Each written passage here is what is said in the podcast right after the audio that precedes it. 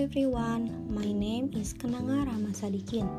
In this podcast, I will answer the question from Listia, namely, with the steps for character building according to Najib Sulhan, is it effective for character building in children?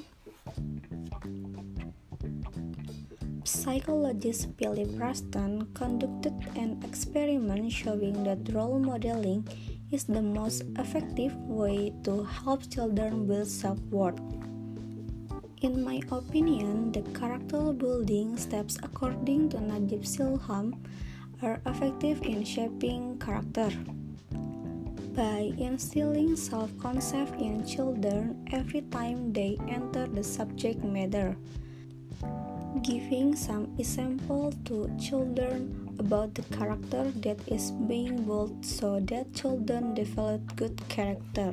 Then there is an appreciation for children who get used to doing good.